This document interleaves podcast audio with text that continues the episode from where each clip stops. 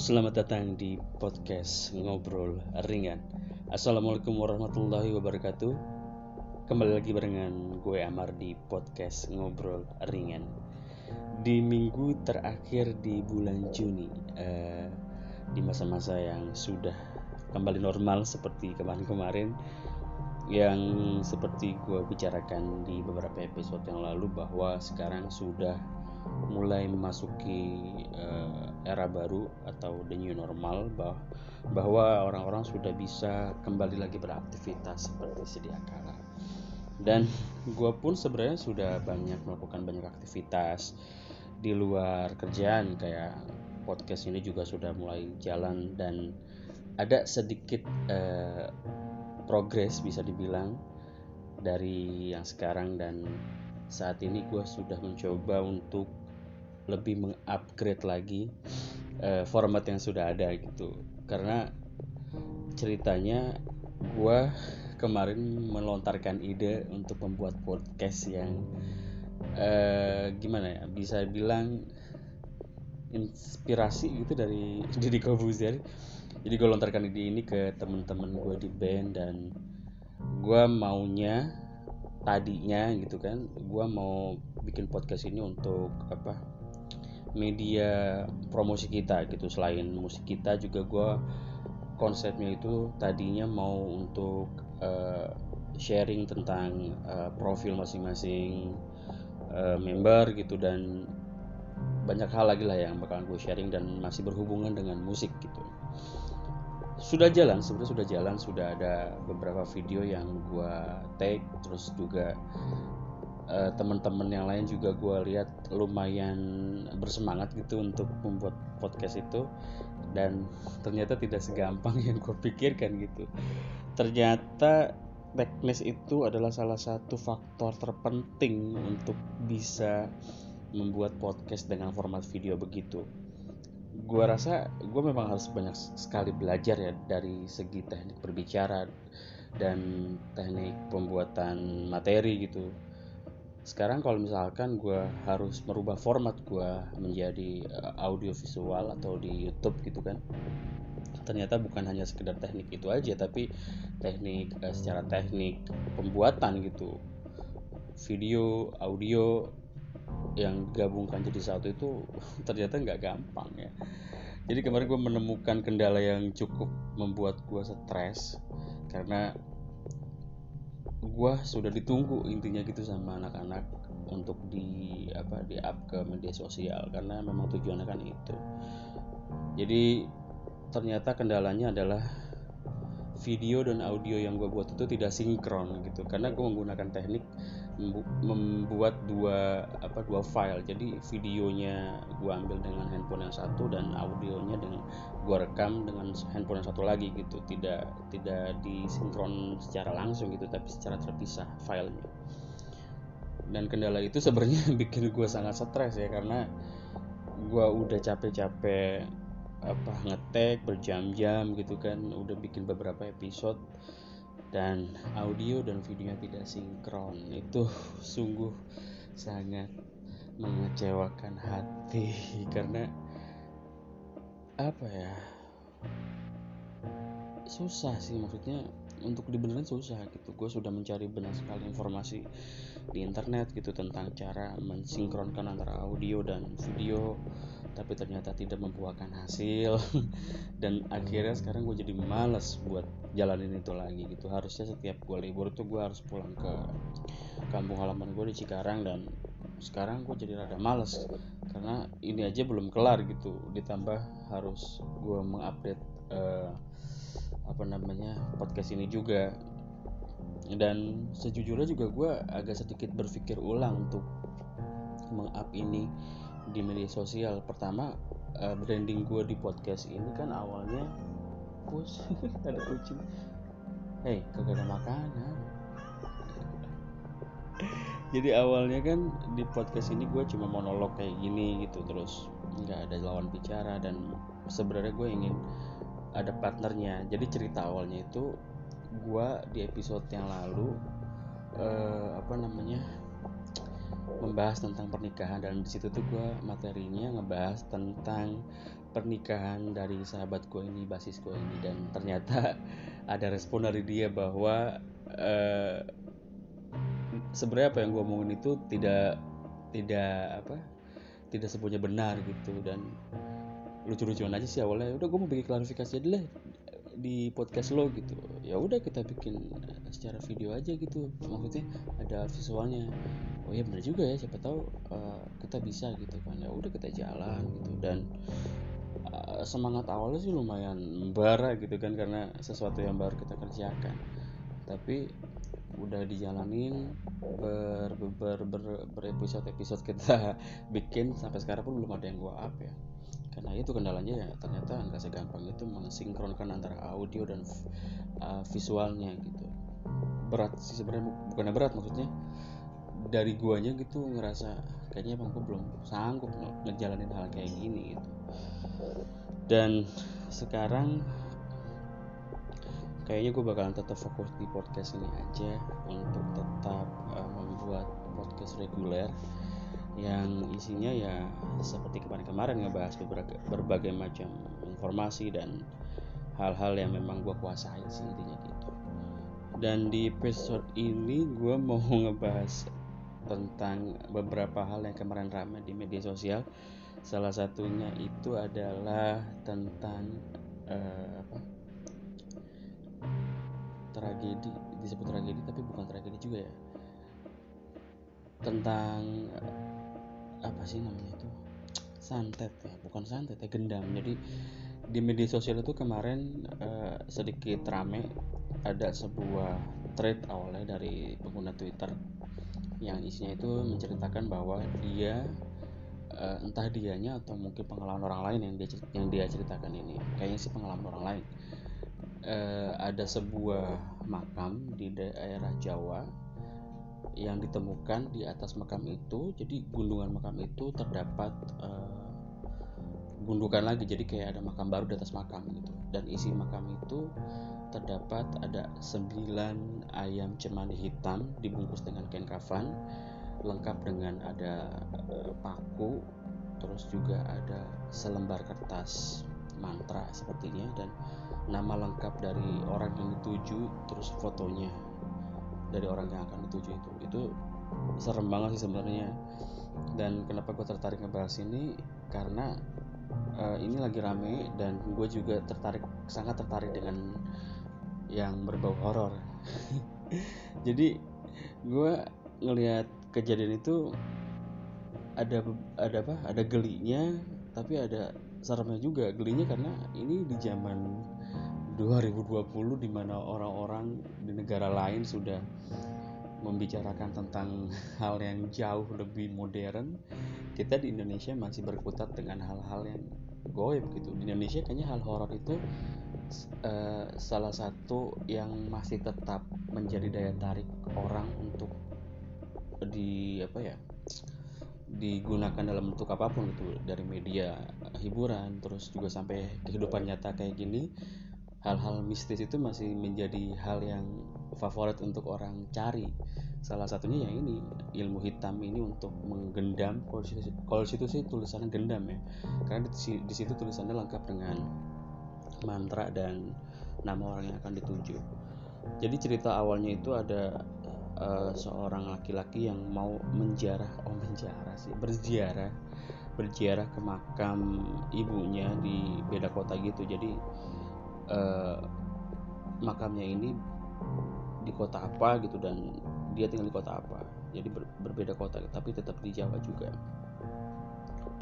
Nah ketika dia datang dia curiga apa kok di sebentar. Di atas gundung, gundung gundungannya itu gundungan tanahnya itu kayak ada gundukan tanah lagi karena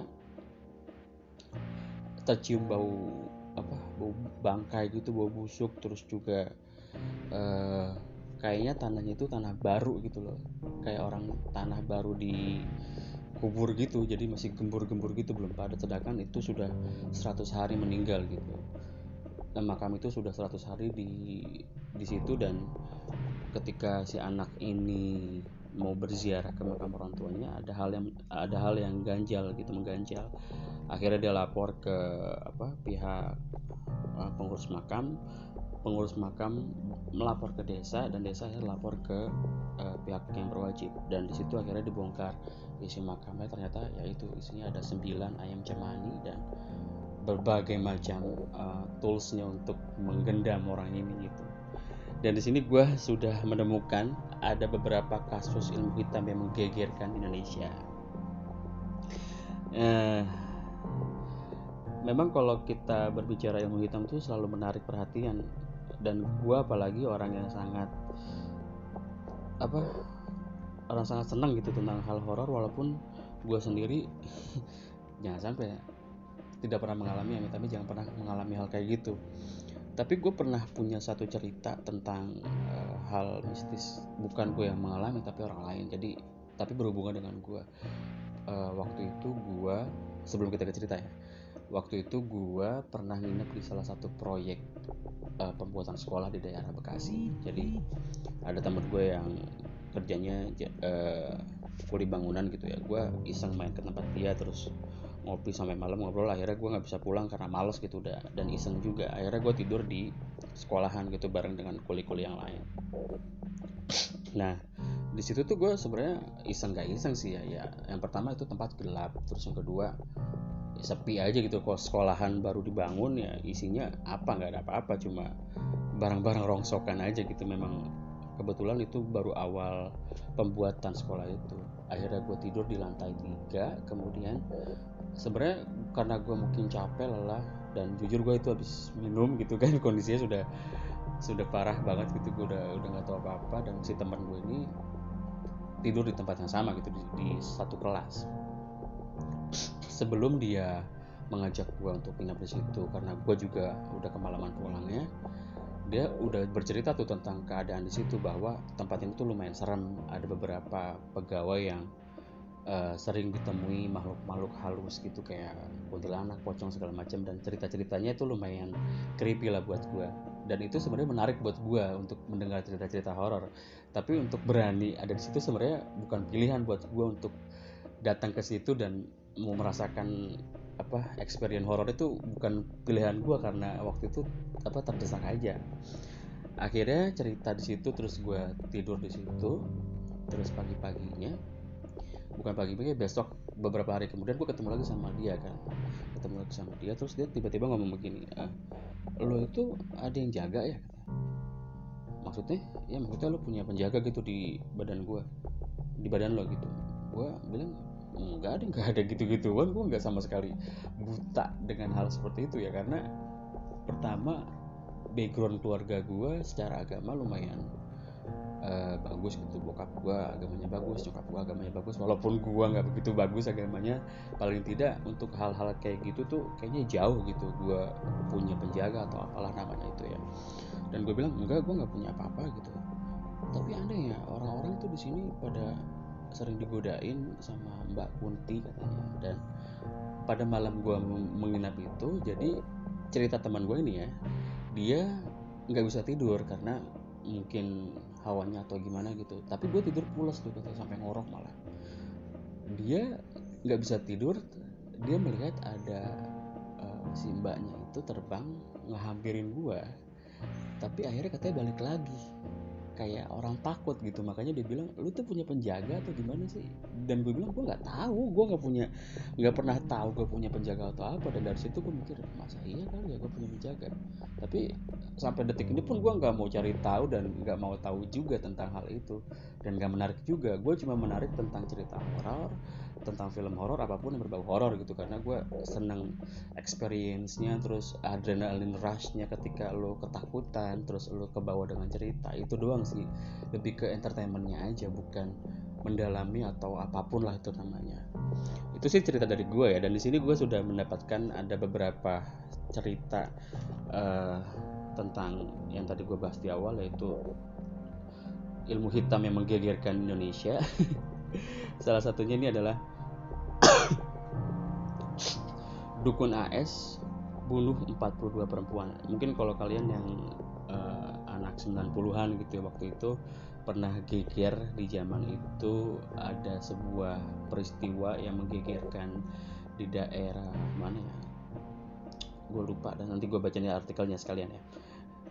Jadi di sini ditulis bahwa dukun AS ini tiba-tiba santer ke seantero negeri bahkan dunia setelah praktik perdukunan yang dilakoninya berujung pada pembunuhan 42 perempuan pada kurun waktu 1986 sampai dengan 1997 berdasarkan sekitar tahun 90-an Ahmad Suraji alias Nasib Keleweng alias Dukun alias eh, Datuk alias Dukun AS lahir pada 10 Januari 1949 pria tamatan SD ini menikahi tiga kakak beradik kandung.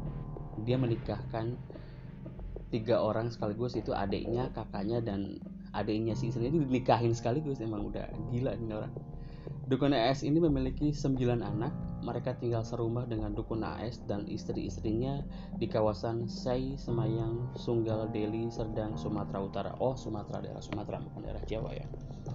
Karena Sumatera juga lumayan kental sih uh, apa cerita mistisnya gitu. Cerita dukun AS mencari mencari kesaktian terungkap ke publik setelah polisi menemukan mayat Sri Kemala Dewi berusia 21 tahun pada 27 April 1997. Dari keterangan yang dikumpulkan polisi, perempuan itu diketahui terakhir berobat ke rumah dukun AS.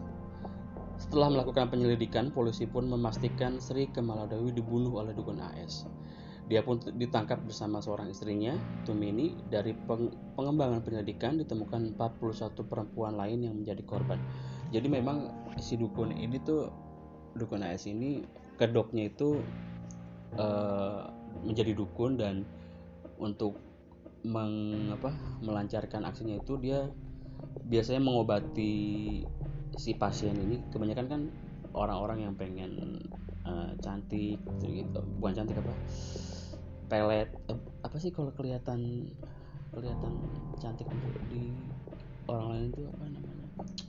Pokoknya gitulah ya gue juga kurang paham. Jadi kebanyakan yang jadi korban itu adalah eh, pasien-pasien dia gitu.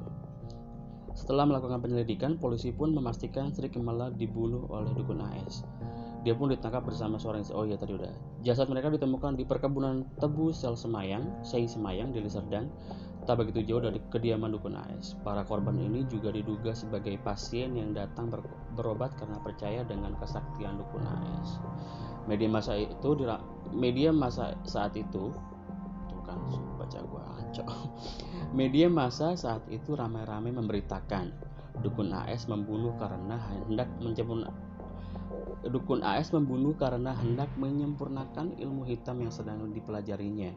Agar ilmunya sempurna, dia dikabarkan harus membunuh 70 perempuan dan menghisap air liur mereka. Oh, jadi uh, ini ibaratnya mau mengupgrade mengupgrade ininya skillnya gitu. Jadi dia harus uh, membunuh 70 harusnya dan dia baru melakukan 42 tadi untuk menambah ilmunya. Jadi itu adalah cerita dukun AS. Sebenarnya gue lupa-lupa ingat sih tentang si dukun AS ini. Bahkan kalau nggak salah difilmkan ya kalau gue nggak salah ya. Di tahun berapa tuh gue pernah entah dokumenter entah apa gue lupa. Yang berikut adalah cabul tiga anak kandung demi ilmu hitam. Kasus ini terjadi di Jakarta, seorang dukun Abu Amar 55 tahun melakukan pencabulan terhadap ketiga anaknya. Anjir, nama gue bawa-bawa nih, Abu Amar. Pria ini tega mencabuli anak kandung karena tengah mempelajari ilmu hitam. Polisi pun telah meminta kesaksian dari seluruh korban, keluarga dan juga seorang pegawai tempat pengobatan pengobatan alternatif tempat Abu Bakar praktek. Jadi dia ini sama ya, eh, basicnya eh, apa namanya pengobatan alternatif gitu dan kebanyakan korbannya itu adalah pasiennya sendiri gitu. Pegawai di tempat kerja Bu tidak tahu banyak soal kepribadian dia, jadi tidak terlalu banyak membantu Dr. Tony. Saat rumah sang dukun digeledah, kita sama sekali tidak menemukan hal-hal yang ganjil ketika terkait ilmu hitam tersebut. Oh, jadi ini ah, ini berita sedikit banget ya, nggak begitu banyak ngasih informasi. Jadi intinya ada seorang dukun di Jakarta yang ngebunuh uh, pasiennya untuk apa nih? Gak begitu banyak. Yang di yang di apa ya dikasih tahu informasinya. Oke lanjut aja kali ya. Jadi itu tadi yang terjadi di Jakarta dan ini eh, masih di sumber yang sama.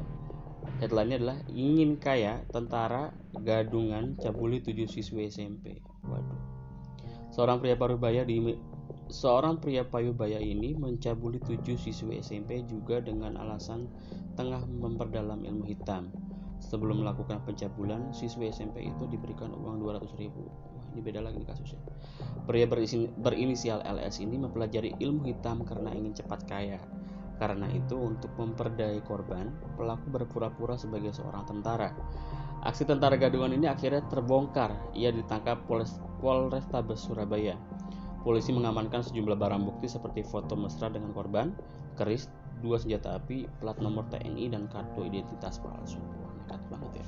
Udah mencabuli dan pura-pura jadi TNI emang TNI itu jadi salah satu magnet banget ya untuk memikat orang gitu. Kalau lu udah berseragam TNI pasti cewek mana sih nggak mau gitu? Apalagi ini anak SMP ternyata buat dicabulin doang. Dan kemudian ada lagi guru ngaji cabuli empat murid Jamaluddin 23 tahun tega mencabuli empat muridnya di rumah kosong samping masjid di Pondok Gede. Alasannya guru ngaji ini ingin meningkatkan ilmu hitam.